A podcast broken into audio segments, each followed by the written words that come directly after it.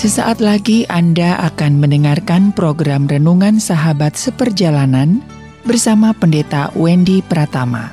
Selamat mendengarkan.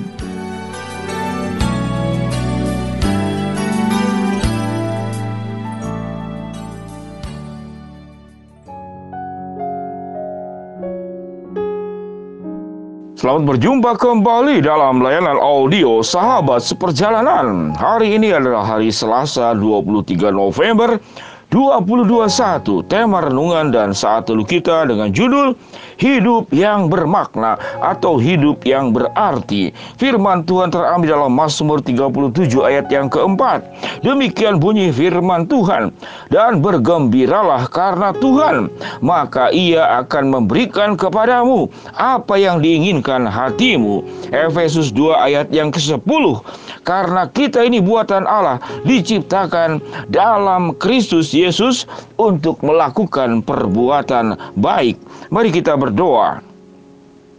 Bapak yang di dalam surga terima kasih ya Tuhan bahwa firman Tuhan memberikan kepada kami bagaimana hidup kami menjadi hidup yang bermakna dan berarti dalam Mazmur 37 ayat yang keempat dan Efesus 2 ayat yang ke-10. Biarlah ya Tuhan kami bisa menjalaninya dengan baik. Di dalam nama Tuhan Yesus kami berdoa. Amin. Shalom sahabat seperjalanan yang dikasih Tuhan. Bagaimana kita bisa memaknai dan menjalani hidup ini dengan penuh makna dan hidup yang penuh dengan arti. Seorang pemain baseball terkenal mengatakan demikian. Saya akan memberitahu kepada engkau bahwa setelah aku sampai kepada puncak sebagai pemain baseball yang sangat terkenal dan menjadi sangat kaya raya dipuja karena kita tahu sendiri sahabat seperjalanan. Pemain baseball ini dengan negara-negara adidaya dan negara-negara tertentu negara maju itu adalah lebih luar biasa kadang lebih daripada artis. Pemain baseball ini berkata apa? Dia dia berkata saya memberitahu kepada saudara-saudara sekalian setelah saya mencapai puncak setelah saya mencapai puncak, ternyata di sana tidak ada apa-apa. Apa artinya? Bagaimana mungkin dia mengatakan dia tidak mendapatkan apa-apa?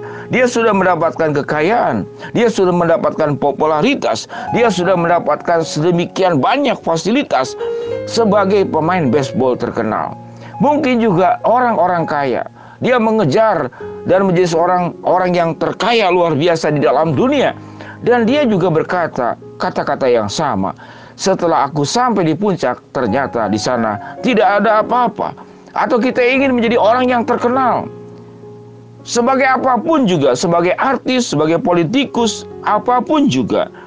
Bahkan tidak terkecuali para pendeta pun ingin menjadi pendeta yang terkenal. Namun setelah mereka mencapai puncak, dan mereka juga akan berkata kata-kata yang sama. Setelah di puncak ternyata aku tidak mendapatkan apa-apa. Apa yang membedakan saudara sebuah kebahagiaan hidup? Apa yang membedakan sebuah pencapaian itu menjadi penuh arti dan penuh makna adalah terjadi pada ayat Mazmur 37 ayat yang keempat. Apa yang firman Tuhan katakan? Dan bergembiralah karena Tuhan jadi bergembiralah karena Tuhan, bukan karena pencapaian, bukan karena harta, bukan karena tahta, bukan karena wanita, bukan karena permata. Tapi Alkitab mengatakan dan bergembiralah dan berbahagialah karena Tuhan. Sewaktu kita mengerjakan segala perkara hanya untuk Tuhan dan di dalam Tuhan dan bersama dengan Tuhan, maka apa pun yang engkau kerjakan, pencapaian sekecil apa pun dan tidak perlu sampai mencapai puncak seperti pemain baseball tadi, maka hidupmu akan penuh dengan makna. Hidupmu akan penuh dengan arti. Engkau punya uang yang segudang seperti Paman Gober dalam cerita komik. Namun engkau lakukan kejar semuanya hanya untuk kepuasan diri sendiri. Maka engkau akan berkata, aku sudah sampai puncak, namun aku tidak menemukan apa-apa.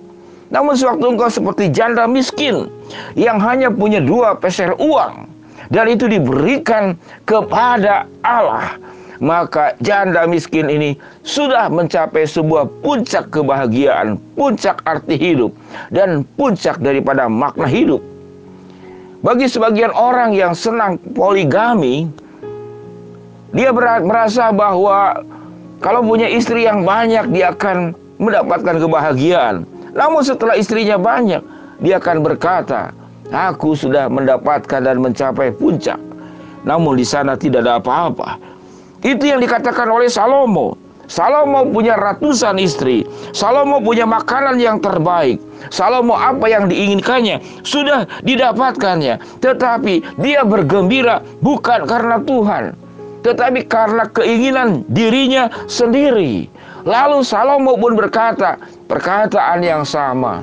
Aku sudah mencapai puncak dan aku mau memberitahu kepada engkau bahwa di sana tidak ada apa-apa. Sampai Salomo menuliskan banyak ayat di dalam Alkitab bahwa semua yang di bawah matahari adalah kesia-siaan. Semua yang di bawah matahari adalah kesia-siaan. Sahabat seperjalanan yang dikasih Tuhan. Sewaktu engkau berstudi, engkau bekerja, bekerjalah karena engkau, karena Tuhan. Sewaktu engkau berumah tangga, berumah tanggalah karena Tuhan. Sewaktu engkau berdagang, berbisnis, berdaganglah, berbisnislah karena Tuhan. Sewaktu engkau bekerja, bekerjalah karena Tuhan. Sahabat seperjalanan yang dikasih Tuhan Sewaktu engkau menjadi pelayan Tuhan Menjadi hamba Tuhan Maka jadilah pelayan Tuhan Jadilah hamba Tuhan Yang karena Tuhan Bukan karena diri kita sendiri maka engkau hanya melakukan perkara yang sudah engkau buat yang mungkin tidak sehebat orang lain, namun itu perbuatan yang sungguh indah karena engkau melakukannya karena Tuhan.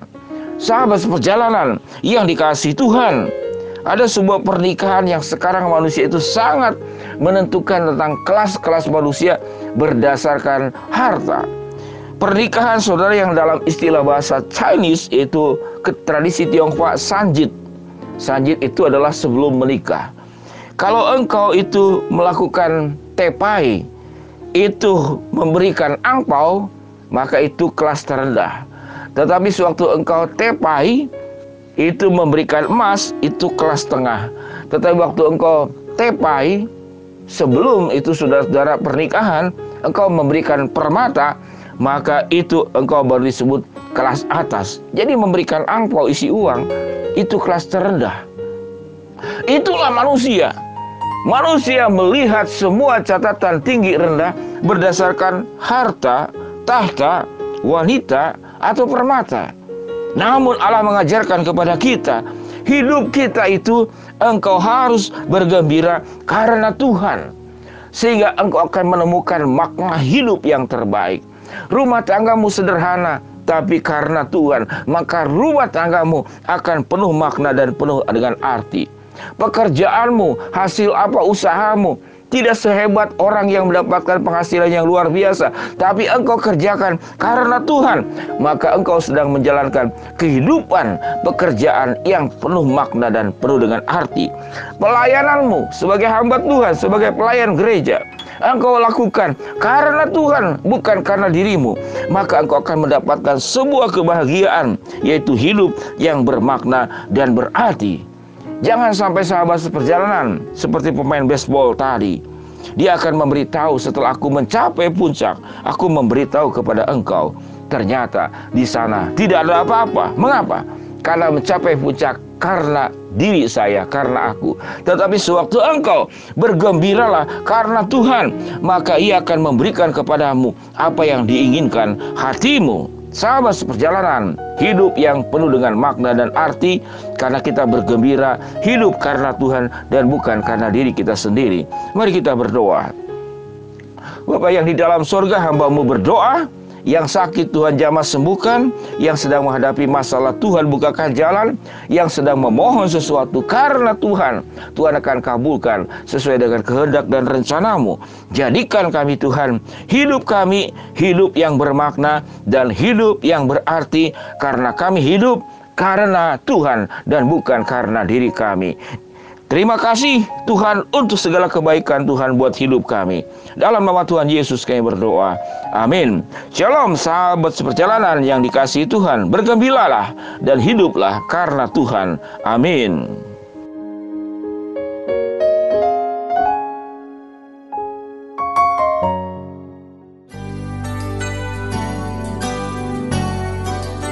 Anda baru saja mendengarkan program Renungan Sahabat Seperjalanan bersama Pendeta Wendy Pratama. Terima kasih atas perhatian Anda. Tuhan Yesus memberkati.